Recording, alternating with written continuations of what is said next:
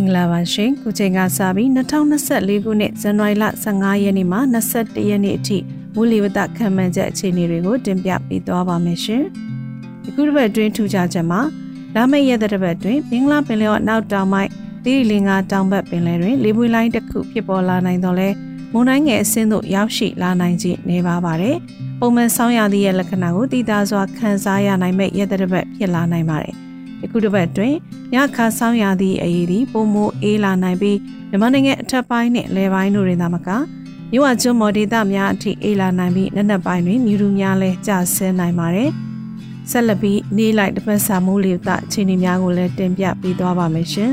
။ဇန်နဝါရီလ15ရက်နေ့အတွက်ခံမှန်းချက်မှာမြန်မာနိုင်ငံအထက်ပိုင်းနဲ့အလဲပိုင်းတို့တွင်နောက်နောက်တောင်လေများတိုက်ခတ်လာနိုင်ပြီးတောင်ပိုင်းတွင်အရှိတောင်လေများတိုက်ခတ်နေနိုင်ပါတယ်။ ဆောင်းမုတ်တုံချီနေမှာမြန်မာနိုင်ငံအထက်ပိုင်းနဲ့အလဲပိုင်းတို့တွင်ညပူချိန်များကြာဆင်းပြီးဆက်လက်အေးနေနိုင်ပါတော့လေအနှဲငယ်အေးသက်သာနိုင်ပါတယ်။နနက်ပိုင်းတွင်ရခိုင်ပြည်နယ်ချင်းပြည်နယ်ကချင်ပြည်နယ်စကိုင်းတိုင်းမန္တလေးတိုင်းမကွေးတိုင်းနေပြည်တော်ရှမ်းပြည်နယ်ပဲခူးတိုင်းကယားပြည်နယ်နှင့်ကရင်ပြည်နယ်တို့တွင်မြူတူများကြာဆင်းနိုင်ပါတယ်။ဘင်္ဂလားပင်လယ်အော်ခြေနေမှာဘင်္ဂလားပင်လယ်အော်တောင်ပိုင်းတွင်တိမ်အထင်အတက်ဖြစ်ထွန်းနိုင်ပြီး ကြံမင်္ဂလာပင်လယ်နဲ့ကပလီပင်လယ်ပြင်တို့တွင်တိမ်အနှဲငယ်ဖြစ်ထွန်းနိုင်ပါတယ်။မိုးချီနေမှာရှမ်းပြည်နယ်အရှေ့ပြားတွင်နေရာကွက်ကြားမိုးပွဲများရွာနိုင်သည်မှအပကြံတပီလုံးတွင်တာယာနိုင်ပါတယ်။ပင်လယ်ပြင်အခြေအနေမှာရခိုင်ကမ်းရိုးတန်းဘက်တွင်နောက်နောက်တောင်ဘက်မှလေသည့်တနိုင်9မိုင်မှ10မိုင်ကတိုက်ခတ်နိုင်ပြီးလိုင်းအသင့်အတက်ရှိနိုင်ပါတယ်။မြို့ဝကျွန်းမော်မုတ်တမကွေးနဲ့ တနင်္သာရီကမ်းရိုးတန်းဘက်တွင်ရှေ့ရှေ့တောင်ဘက်မှလေသည်တနင်္ဂနွေ9မိုင်ခန့်တိုက်ခတ်နိုင်ပြီးလိုင်းအသင့်အတင့်ရှိနိုင်ပါတယ်ရှင်။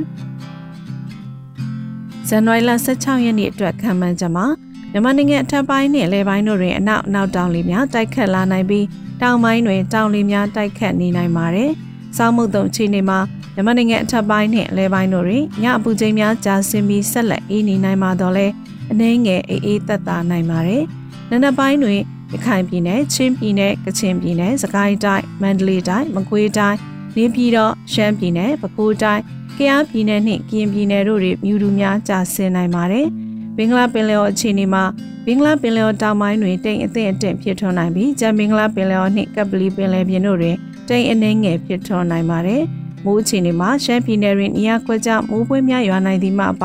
ကျန်တပီလုံးတွင်တာယာနိုင်ပါတယ်။ပင်လယ်ပြင်အခြေအနေမှာ ရခိုင်ကဲရန်ဘက်တွင်နောက်နောက်ဘက်မှလေသည်တနိုင်9မိုင်မှ10မိုင်ခန့်တိုက်ခတ်နိုင်ပြီးလိုင်းအသင့်အတက်ရှိနိုင်ပါတယ်။မြို့ဝကျွန်းပေါ်မုတ်တမကွေးနဲ့တနင်္သာရီကဲရန်ဘက်တွင်အရှိအရှိတောင်ဘက်မှလေသည်တနိုင်9မိုင်ခန့်တိုက်ခတ်နိုင်ပြီးလိုင်းအသင့်အတက်ရှိနိုင်ပါတယ်ရှင်။ဇန်နဝါရီလ18ရက်နေ့အတွက်ခံမှန်းချက်ကတော့မြန်မာနိုင်ငံအထက်ပိုင်းနဲ့အလဲပိုင်းတို့တွင်အနောက်နောက်တောင်လေများတိုက်ခတ်လာနိုင်ပြီးတောင်ပိုင်းတွင်တောင်လေများတိုက်ခတ်နေနိုင်ပါတယ်။စောင်းမုတ်တုံချီနေမှာ မြန်မာနိုင်ငံအထက်ပိုင်းနဲ့အလယ်ပိုင်းတို့တွင်ညပူချိန်များကျဆင်းပြီးဆက်လက်အေးနေနိုင်ပါတော့လဲအနှဲငယ်အေးသက်သာနိုင်ပါတယ်။နနက်ပိုင်းတွင်ရခိုင်ပြည်နယ်ချင်းပြည်နယ်ကချင်ပြည်နယ်စကိုင်းတိုင်းမန္တလေးတိုင်းမကွေးတိုင်းနေပြည်တော်ရှမ်းပြည်နယ်ပဲခူးတိုင်းကယားပြည်နယ်နှင့်ကရင်ပြည်နယ်တို့တွင်မြူတူများကျဆင်းနိုင်ပါတယ်။ဘင်္ဂလားပင်လယ်အော်အခြေအနေမှာဘင်္ဂလားပင်လယ်အော်တောင်ပိုင်းတွင်တိမ်အထင်အထင်ဖြစ်ထွန်းနိုင်ပြီးကြံဘင်္ဂလားပင်လယ်အော်နှင့်ကပလီပင်လယ်ပြင်တို့တွင်တိမ်အနှဲငယ်ဖြစ်ထွန်းနိုင်ပါတယ်။ ထူးခြားချက်မှာသီရိလင်္ကာတောင်ဘက်ပင်လယ်ပြင်တွင်လေပွေလိုင်းတစ်ခုဖြစ်ပေါ်လာနိုင်ပါတယ်။မိုးချီနေမှာကချင်ပြည်နယ်နှင့်ရှမ်းပြည်နယ်တို့တွင်နေရာကွက်ကြားမိုးပွဲများရွာနိုင်သည်မှာပကြံတပီလုံးတွင်တာယာနိုင်ပါတယ်။ပင်လယ်ပြင်ခြေနေမှာအခိုင်ကဲရတဲ့ဘက်တွင်နောက်နောက်တောင်ဘက်မှလေသည်တနိုင်9မိုင်မှ10မိုင်ခန့်တိုက်ခတ်နိုင်ပြီးလိုင်းအသင့်အတင့်ရှိနိုင်ပါတယ်။မြဝကျွန်းမောမုတ်တမကွေးနဲ့တနင်္သာရီကဲရတဲ့ဘက်တွင်အရှိအရှိတောင်ဘက်မှလေသည် တနိုင်9မိုင်ခန့်တိုက်ခတ်နိုင်ပြီးလှိုင်းအသင့်အတင့်ရှိနိုင်ပါတယ်ရှင်။ဇန်နဝါရီလ18ရက်နေ့အတွက်ခံမှန်းချက်မှာမြန်မာနိုင်ငံအထက်ပိုင်းနဲ့အလယ်ပိုင်းတို့တွင်အနောက်နောက်တောင်လေများတိုက်ခတ်လာနိုင်ပြီးတောင်ပိုင်းတွင်တောင်ရှေ့တောင်လေများတိုက်ခတ်နေနိုင်ပါတယ်။ဆောင်းမုတ်တုံအချိန်ဒီမှာမြန်မာနိုင်ငံအထက်ပိုင်းနဲ့အလယ်ပိုင်းတို့တွင်ညအပူချိန်များဆက်လက်အေးနေနိုင်ပါတော့လဲအနှင်းငယ်အေးသက်သာနိုင်ပါတယ်။ နနက်ပိုင်းတွင်အခိုင်ပြည်နယ်ချင်းပြည်နယ်ကချင်ပြည်နယ်စကိုင်းတိုင်းမန္တလေးတိုင်းမကွေးတိုင်းနေပြည်တော်ရှမ်းပြည်နယ်ပဲခူးတိုင်းကယားပြည်နယ်နှင့်ကရင်ပြည်နယ်တို့တွင်မြူတူများကျဆင်းနိုင်ပါတယ်။ဘင်္ဂလားပင်လယ်အော်ခြေနေမှာဘင်္ဂလားပင်လယ်အော်တောင်ပိုင်းတွင်တိမ်အထင်အတက်ဖြစ်ထွန်းနိုင်ပြီးကြံဘင်္ဂလားပင်လယ်အော်နှင့်ကပလီပင်လယ်ပြင်တို့တွင်တိမ်အနှဲငယ်ဖြစ်ထွန်းနိုင်ပါတယ်။ထူးခြားချက်မှာသီရိလင်္ကာတောင်ဘက်ပင်လယ်ပြင်တွင်လေပွင့်လိုင်းတစ်ခုဆက်လက်တည်ရှိနိုင်ပါတယ်။ မိုးအခြေအနေမှာကချင်ပြည်နယ်နှင့်ရှမ်းပြည်နယ်တို့တွင်နေရာကွက်ကြားမိုးပွဲများရွာနိုင်သည်မှအပကြံတပီလုံးတွင်တာယာနိုင်ပါတယ်။ပင်လယ်ပြင်အခြေအနေမှာခိုင်ကဲရိုးရန်ဘက်တွင်အနောက်နောက်တောင်ဘက်မှလေသည်တနိုင်း9မိုင်မှ10မိုင်ကတိုက်ခတ်နိုင်ပြီးလှိုင်းအသင့်အတင့်ရှိနိုင်ပါတယ်။မြဝကျွန်းမမုထမကွင်းနဲ့တနင်္သာရီကဲရိုးရန်ဘက်တွင်ရှေ့အရှိတောင်ဘက်မှလေသည်တနိုင်း9မိုင်ကတိုက်ခတ်နိုင်ပြီးလှိုင်းအသင့်အတင့်ရှိနိုင်ပါတယ်ရှင်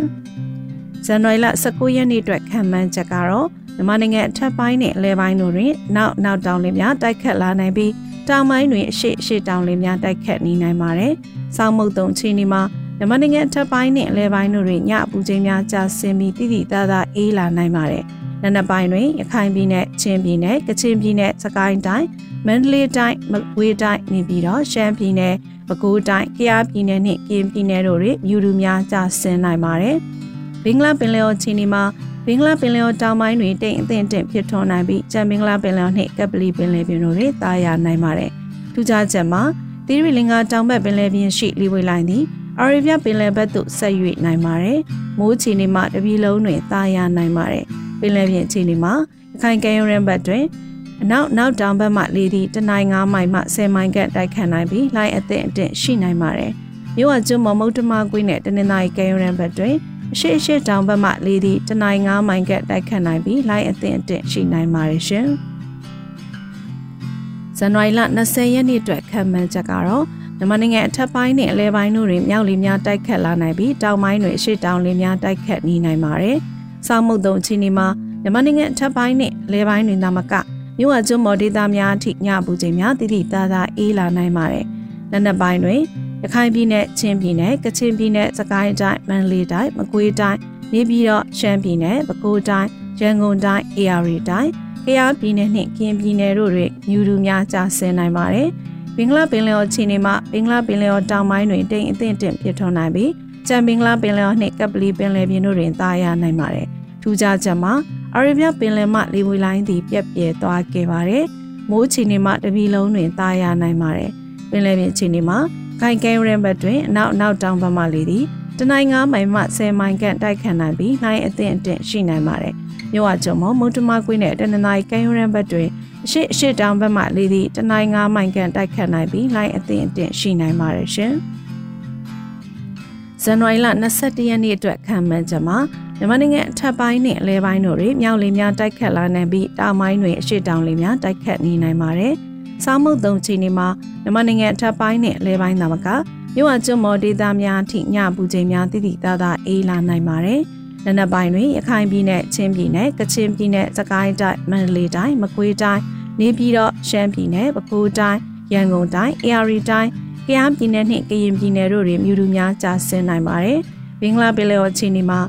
ဘင်္ဂလားပင်လယ်အော်တောင်ပိုင်းတွင်တိမ်အထင်တင့်ဖြစ်ထွန်းနိုင်ပြီးကြံဘင်္ဂလားပင်လယ်အော်နှင့်ကပလီပင်လယ်ပြင်တို့တွင်တာယာနိုင်ပါတယ်။ မိုးခြေနေမှာတပြည်လုံးတွင်တာယာနိုင်ပါတယ်။ပင်လယ်ပြင်ခြေနေမှာခိုင်ကဲရင်းဘက်တွင်နောက်နောက်တောင်ဘက်မှလေသည်တနိုင်9မိုင်မှ10မိုင်ခန့်တိုက်ခတ်နိုင်ပြီးလိုင်းအသင့်အတင့်ရှိနိုင်ပါတယ်။မြို့ဝကျုံမမုတ်တမခွေးနဲ့တနင်္သာရီကဲရိုးရန်ဘက်တွင်အရှိရှေတောင်ဘက်မှလေသည်တနိုင်း9မိုင်ကတိုက်ခတ်နိုင်ပြီးလိုင်းအသင့်အတက်ရှိနိုင်ပါတယ်ရှင်။ခုတင်ပြခဲ့တဲ့ရဲသက်တပတ်မိုးလေဝသခံမှန်းချက်များကတော့ မြို့သားညီညွတ်ရေးအစိုးရလူသားချင်းစာနာထောက်ထားရေးနဲ့ပြည်내ဆိုင်ရာစီမံခန့်ခွဲရေးဝန်ကြီးဌာနမှတင်ပြချက်များဖြစ်ပါတယ်ရှင်။